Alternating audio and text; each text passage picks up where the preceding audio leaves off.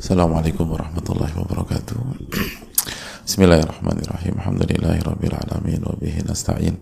Ala umuri dunia wa din Wassalatu wassalamu ala ashrafi anbiya wal mursalin Wa ala alihi Wa sahbihi wa man sara ala nahjihi Bi isanin ila yaumidin wa Allahumma inna nas'aluka ilman nafi'a Wa na'udzubika min ilmin la yanfa' Hadirin Allah muliakan Alhamdulillah kita panjatkan puji dan syukur kita kepada Allah subhanahu wa ta'ala atas segala nikmat yang Allah berikan kepada kita sebagaimana salawat dan salam semoga senantiasa tercurahkan kepada junjungan kita Nabi kita Muhammadin alaihi salatu wassalam beserta para keluarga, para sahabat dan orang-orang yang istiqomah berjalan di bawah naungan sunnah beliau sampai hari kiamat kelak. Allahumma inna nas'aluka ilman nafi'an wa na'udzubika min ilmin la yanfa'. Ya Allah berikanlah kami ilmu yang bermanfaat dan lindungilah kami dari ilmu yang tidak bermanfaat. Uh, hadirin Allah muliakan masih berada di bulan Syawal di pertengahan Syawal tepatnya bulan yang menjadi uh, titik apakah kita akan menjaga pola dan ritme kita di Ramadan atau kita akan kembali uh, terhempas atau keluar dari rel. Dan uh, kembali gagal untuk uh, membangun atau bukan membangun bahkan mempertahankan bangunan yang telah kita bangun pada saat kita di di Ramadan. Apakah kita bisa melanjutkan uh, pintalan dan jahitan keimanan kita atau kita urai kembali jahitan dan pintalan tersebut.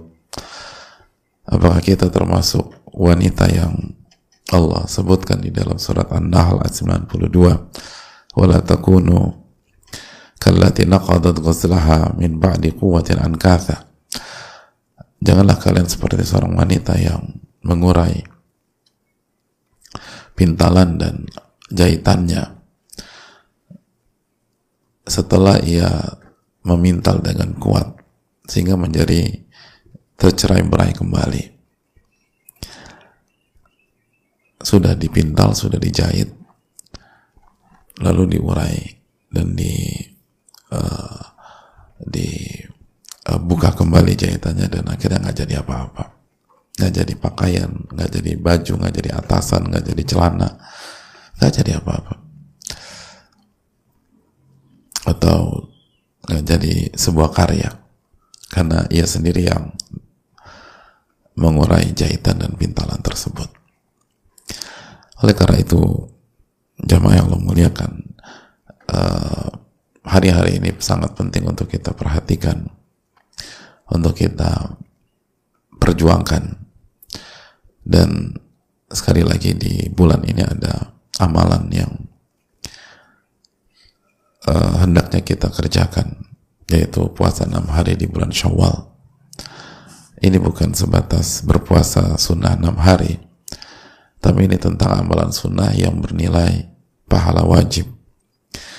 Lalu kita mendapatkan pahala satu tahun penuh jika kita kerjakan bersama bulan puasa Ramadan. Lalu ini tentang keistiqomahan kita dalam sebuah amalan dan ibadah. Oleh karena itu hadirin sekalian adalah kita jaga bulan ini.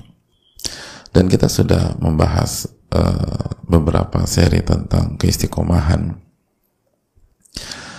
Uh, maka sebelum kita kembali ke kitab kita Riyadus Solihin, uh, kita akan buka beberapa uh, kesempatan untuk sesi tanya jawab berkaitan dengan uh, keistiqomahan yang sudah kita pelajari. Lalu setelah itu baru kita akan masuk ke uh, kembali ke hadis-hadis yang dibawakan oleh Al Imam An Nawawi rahimahullah taala dalam Riyadus Salihin. Jadi kita buka kesempatan untuk sesi tanya jawab sejenak dan uh, baru kita masuk ke Riyadus Salihin kembali. Wallahu taala alam bisawab. Assalamualaikum warahmatullahi wabarakatuh. Waalaikumsalam warahmatullahi wabarakatuh. Semoga Allah senantiasa merahmati Imam Nawawi, seluruh ulama, ustadz, keluarga, tim, para jamaah dan seluruh umat muslim di dunia. Amin ya rabbal alamin. Semoga Allah izinkan Ustadz untuk menjawab pertanyaan saya. Ustadz menyambung pertanyaan yang lalu tentang dampak dosa-dosa. Jika dosa tersebut sudah ditaubati, apakah dampaknya akan tetap diberikan kepada pelaku dosa? uh, hadirin Allah muliakan jika kita benar-benar bertobat dari sebuah dosa dan tobat kita tobatan nasuh tobat yang sesungguhnya tobat yang diterima oleh Allah Subhanahu wa taala maka uh, hadirin Allah mulia hadirin Allah muliakan.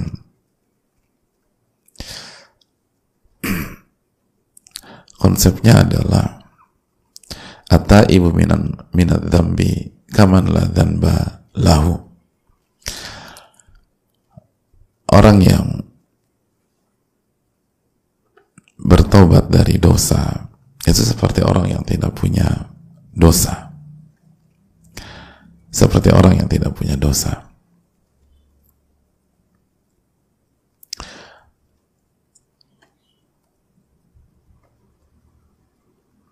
Dan di antara maknanya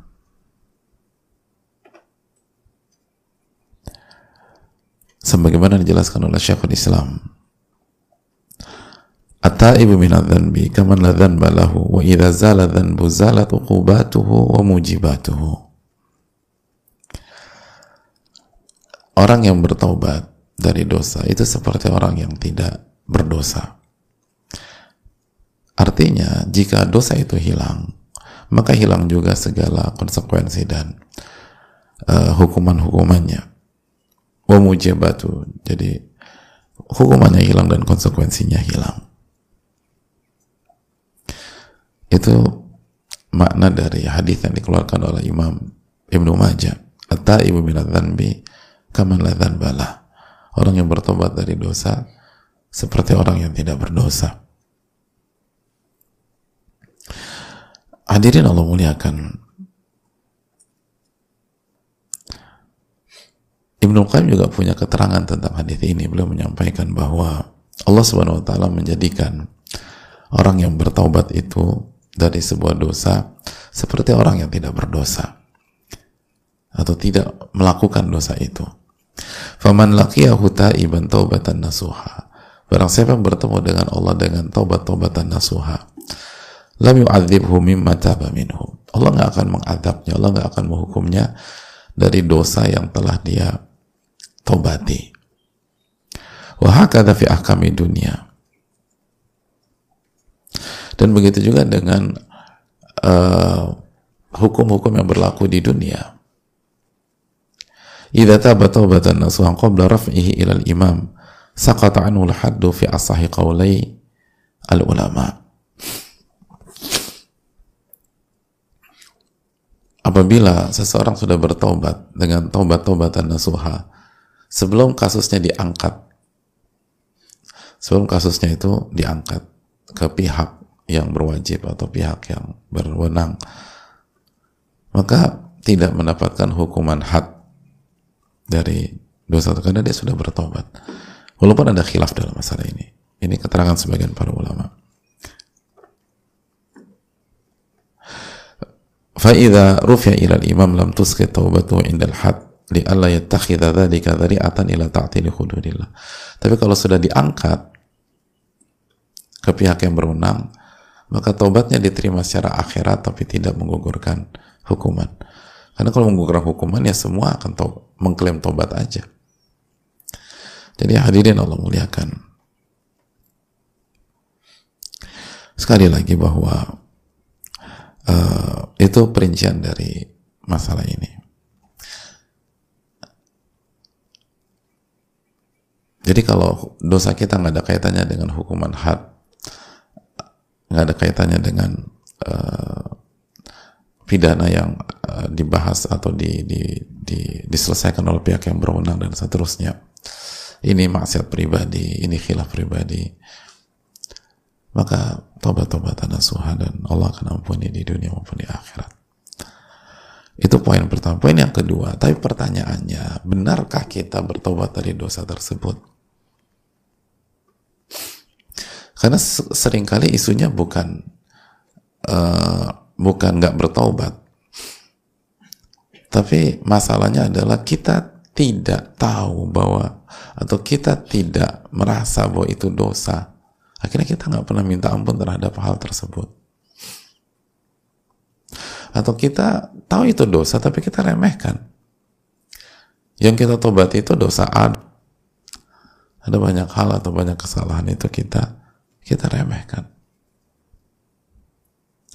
Dan ada sebagian kesalahan itu kita sikapi dengan benar-benar penyesalan. Dan itu bagus. Tapi sekarang sering kali kita nggak konsisten. Harusnya kalau dosa ini kita benar-benar uh, sesali harusnya dosa yang B kita benar-benar sesali juga. Benar gak sih? Sebagai simpel contoh lah.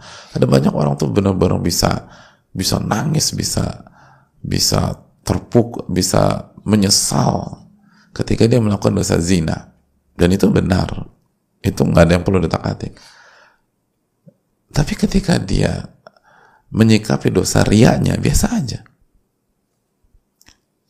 Bukankah ria syirik kecil hadirin?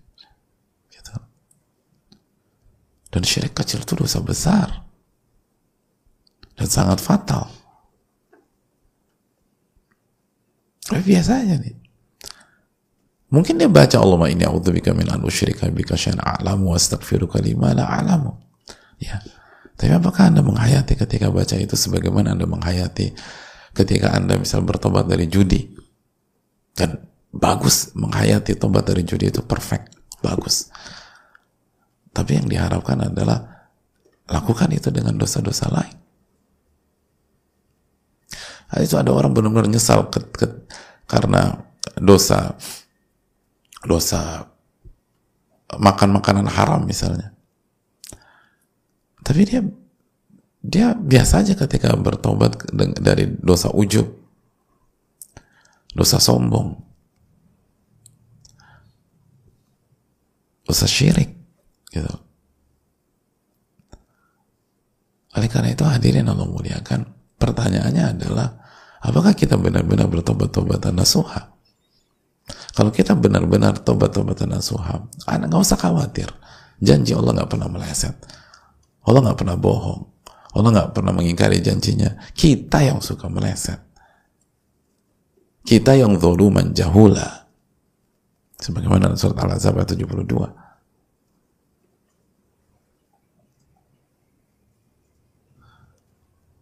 Kita yang zolimnya minta ampun dan bodohnya luar biasa.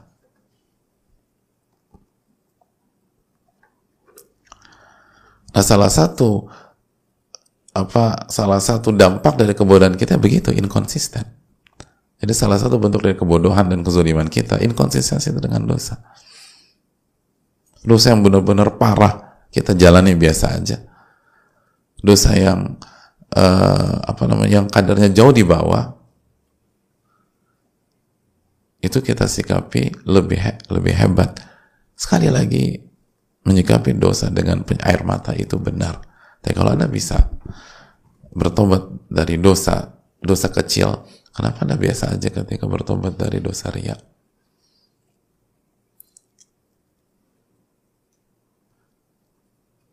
Atau dosa sombong, dosa kibar, dosa ujub.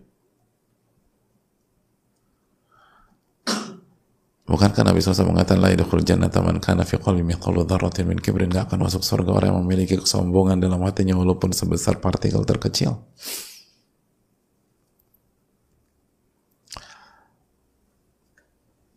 Berapa banyak kita ngeremen orang? Kayak biasa-biasa aja. Kayaknya merasa bersalah, kan ngeremen orang kita.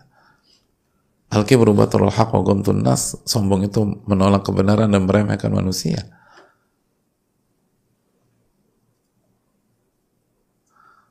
Jadi itu itu salah satu pertanyaan besarnya. Benar nggak kita bertobat? Tapi kalau kita bertobat, udah aman. Jadi pertanyaan bukan Allah teri Allah apa? Allah hilangkan nggak ya dosa yang telah aku tobati dengan tobatan nasuha? Itu nggak usah terlalu jadi isu, pasti Allah hilangkan. Tapi pertanyaan adalah, benarkah Anda bertobat? Benar nggak tobat Anda tobatan nasuha?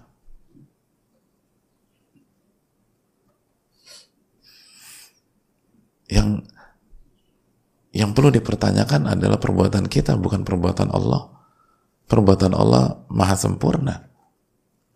Perbuatan Allah lahir dari nama dan sifat-sifatnya yang maha indah dan maha sempurna. La yus'alu amma yaf'al wa hum yus'alun. Allah nggak ditanya tentang apa yang Allah perbuat. Mereka yang akan ditanya. Mereka yang akan ditanya. bukan Allah apa yang Allah perbuat nggak akan ditanya nggak nggak perlu dipertanyakan nggak perlu dipertanyakan karena penuh dengan keindahan penuh dengan uh, kebenaran penuh dengan kebaikan penuh dengan hikmah Al-Anbiya 23 la yus'alu amma yaf'al wahum yus'alun mereka yang ditanya Allah nggak ditanya tentang apa yang Allah perbuat mereka yang ditanya. Itulah pentingnya belajar. Itulah pentingnya mengetahui do's and don'ts gitu loh. Anda udah ngerti bro.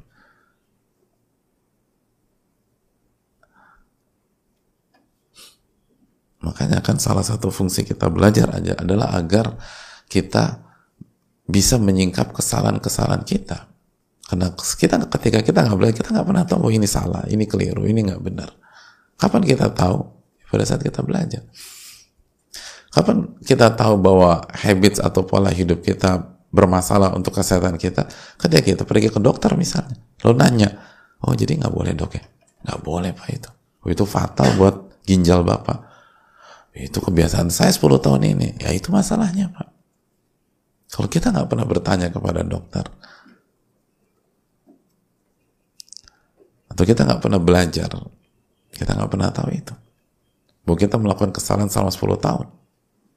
Sama, ketika kita nggak pernah belajar agama, kita nggak bertanya, nggak pernah bertanya atau nggak pernah belajar, kita nggak pernah tahu bahwa pola hidup kita selama ini itu salah. Dan itu yang buat masalah.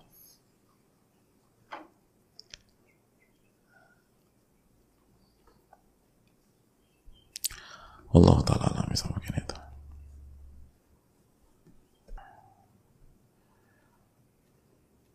Uh, salam, Bismillahirrahmanirrahim. Assalamualaikum warahmatullahi wabarakatuh. Waalaikumsalam warahmatullahi wabarakatuh. Izin bertanya dan bercerita, apakah boleh saya dan ibu saya melawan, menganggap meninggal dan tidak menghargai lagi seorang kepala rumah tangga? Ayah saya tidak menafkahi bertahun-tahun, acuh kepada anak, lepas tanggung jawab, nggak bisa mensekolahkan anak. Dari awal saya lulus 2018, saya tidak kuliah sampai sekarang karena keputusan saya tidak pernah diberi izin dengan berbagai macam alasan ke tetangga jelek, sholat lebih sering di rumah dengan saudara jelek, silaturahim nggak pernah. Di sisi lain saya tidak mau jadi anak durhaka, di sisi lain saya kesal kecewa dengan kelakuan ayah saya. Terima kasih. Ya, uh, terima kasih atas pertanyaan. Jazakallah khairan. Afana mimma talahu bi fadlan al kathir wa nakhala tafdila. Uh, hadirin Allah muliakan yang selalu sekali lagi lihat dari dua sisi. Adapun sisi dari kepala rumah tangga sekali lagi kita yang memutus khususnya laki-laki ya, ya kepala rumah tangga ar-rijalu qawmun 'ala nisa dalam surat An-Nisa 34 laki-laki itu pemimpin dalam rumah tangga dalam dengan dengan istrinya dan anak-anak Artinya ketika laki-laki memutuskan untuk menikah itu bukan keputusan untuk tenggelam dalam kesenangan dunia, tenggelam dalam syahwat dunia, walaupun secara umum itu diperbolehkan tapi keputusan itu keputusan untuk memikul beban untuk menanggung tanggung jawab untuk uh, siap ditanya oleh Allah Subhanahu wa taala tentang istri kita dan anak-anak kita. Kita yang pasang badan untuk seorang wanita sebelum dia ditanya. Karena kita akan ditanya. Kulukum ra'in wa kulukum mas'ulun al ra'iyati. Setiap pemimpin akan ditanya dan akan mempertanggungjawabkan apa yang terjadi dan dialami oleh orang-orang yang dia pimpin.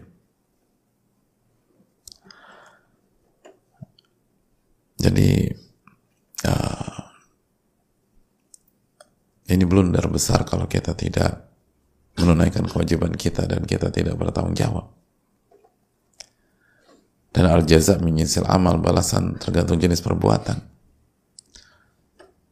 Kata zolim dan dan uh, kita tahu dalam hadis Nabi SAW sudah kita bahas ada dua dosa yang Allah akan balas di dunia sebelum Allah akan siksa di akhirat. Yang pertama apa? Kezaliman, al-bagyu. Yang kedua, qatir rahim, memutuskan tali silaturahim. Di antaranya durhaka kepada orang tua. Jadi durhaka kepada orang tua, memutuskan tali silaturahim. Lalu zalim, itu akan dibalas di dunia sebelum di akhirat. Oleh karena itu bagi uh, dari sisi kepala rumah tangga hendaknya bertakwa kepada Allah Taala. Dan nasihat ini untuk yang berbicara khususnya dan kita semua secara umum. Uh, ini blunder besar kalau kita melakukan hal tersebut. Uh, kalau kita nggak mau bertanggung jawab, ya jangan menikah. Uh, kita memutuskan menikah, maka kita harus bertanggung jawabkan semua hal tersebut. Itu yang pertama dari sisi kepala rumah tangga. Dari sisi anak ya, nasihat kita yang pertama memang nggak mudah punya orang tua seperti ini. Dan banyak orang yang langsung melakukan judgement kepada anak-anak seperti ini bukan anak durhaka anak nggak nggak punya adab sama orang tua. Dan itu itu kok nggak tepat tadi. Dan sering kali yang judgement itu nggak pernah ngerasain punya orang tua yang yang yang zolim sama dia dan itu berat. Karena ini bukan masalah, bukan sekali lagi bukan hanya masalah gini loh. Ini, kalau orang tua yang yang zolim ke anak, lalu nggak didik anak itu dan semena-mena segala macam.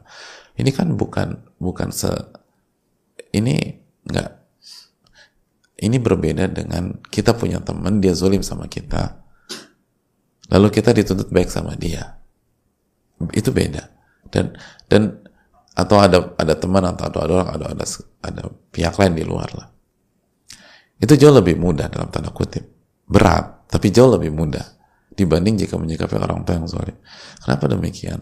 Karena kalau orang tua zolim dan nggak ngedidik kita dan seterusnya dia bukan hanya zolim kepada kita tapi di waktu yang sama dia mendidik kita dengan pola itu kalau teman kita zolim sama kita, dia nggak didik kita dengan pola dia. Cuman misalnya dia utang dia nggak bayar gitu. Kalau dia bicara dia kasar atau dia khianati kita titik. Tapi kalau orang tua dia bukan hanya zolim ke bukan zolim ke anaknya, tapi dia membangun pola yang salah ke anaknya. Dia membangun pola kezoliman. Lalu ketika anak itu dewasa dan seterusnya, anak itu diminta untuk berbakti kepada orang tuanya.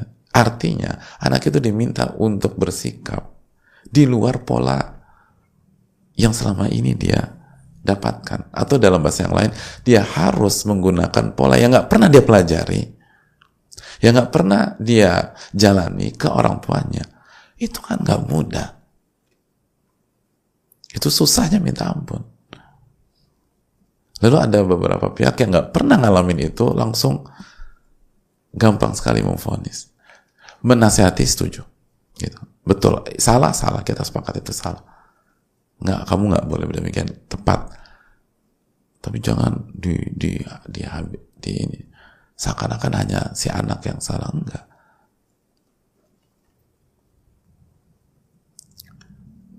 Buah itu tuh sangat sangat ditentukan oleh bagaimana pohon itu sehat atau berpenyakit.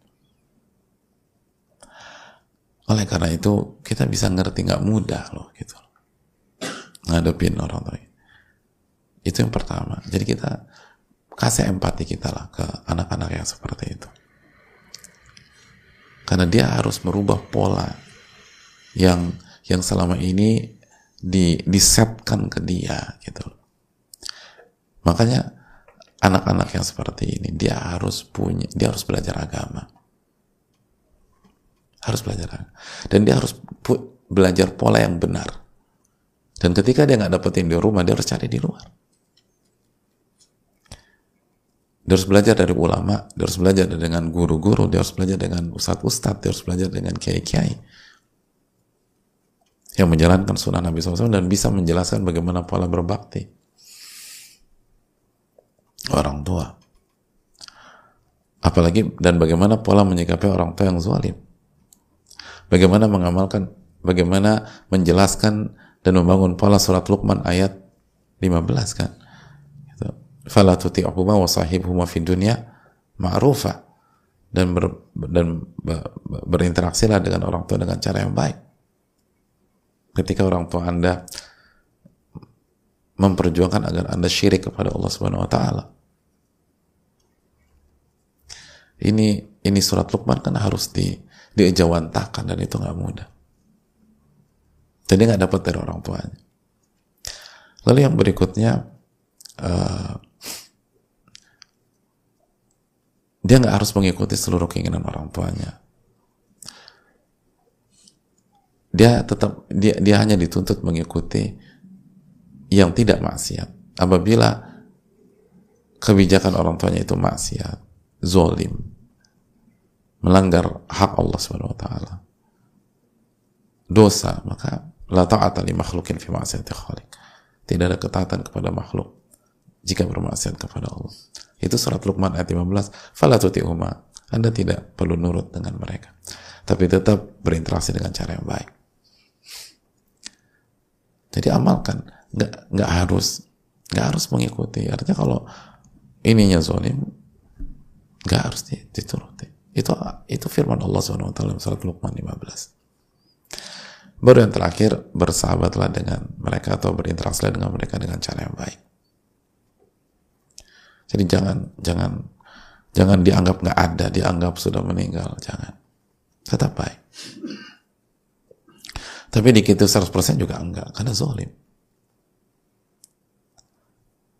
Ikuti yang tidak bermaksiat. Dan kalau bermaksiat, kita boleh tidak tuh nurut dan tetap baik dengan ayah kita. Walau dalam bisa mungkin itu.